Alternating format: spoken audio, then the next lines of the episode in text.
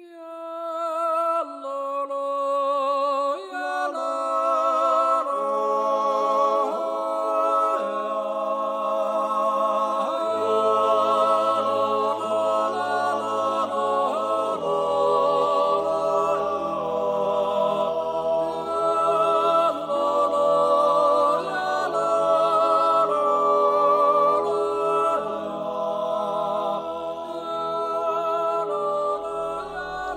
Het voordeel van de huidige tijd is dat je via Apple TV en via Netflix allerlei films kunt huren of kopen die je vervolgens in je eigen huiskamer of op je tablet, iPad of mobiel kunt bekijken.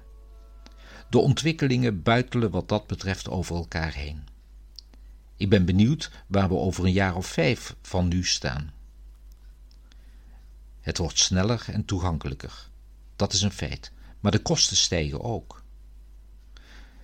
Niet alle nieuwe ontwikkelingen zijn voor iedereen in de samenleving toegankelijk.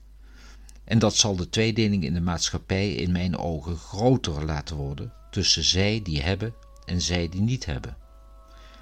Maar eens zien hoe we dat met z'n allen gaan denken op te lossen. Ik zag de film The Grand Budapest Hotel van regisseur Wes Anderson en ik kan de film in één woord duiden: fantastisch. Het Grand Budapest Hotel is gelegen in de fictieve staat Zubrovka en de combinatie van cameravoering, regie, muziek en locatie maken de film voor mij tot de buitencategorie in zijn soort.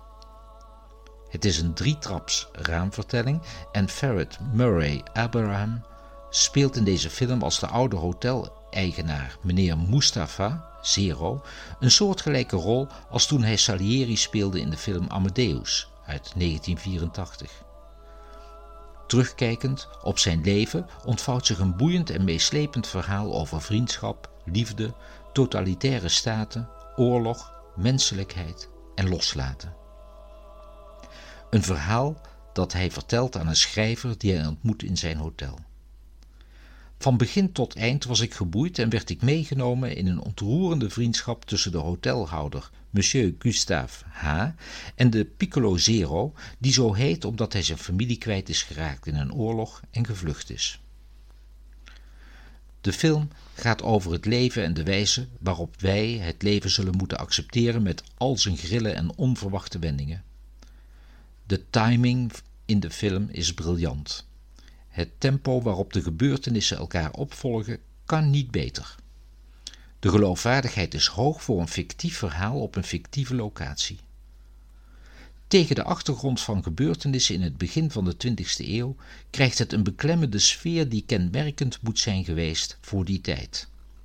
De film is dan ook gebaseerd op werken van de Habsburgse schrijver Stefan Zweig, die met zijn laatste boek De Wereld van Gisteren de toon lijkt te hebben gezet voor deze film. De film ademt een sfeer uit van de grandeur van het Belle Époque met zijn standsverschillen en onontkomelijke etikettenregels. Ik merk dat er bij mij een discrepantie is tussen mijn emoties en mijn rationele besef van de betrekkelijkheid van het leven. Of dat nu komt door mijn ervaringen met de situatie rondom mijn overleden moeder Paulette, of dat het mijn leeftijd is die me parten speelt, is me nog niet duidelijk. Ik realiseer me dat ik een brok in mijn keel krijg als ik in een film, verhaal of in de realiteit van alle dag emotionele onderwerpen tegenkom of ervaar. En dat terwijl ik rationeel ervan overtuigd ben dat ik in het nu wil leven en dat de lengte van het leven niets betekent op de schaal van de oneindigheid. Rationeel vind ik dat de hoeveelheid en intensiteit van ervaringen er uiteindelijk niet toe doen en vooral van belang zijn op het moment zelf. Maar emotioneel, dat is een ander verhaal.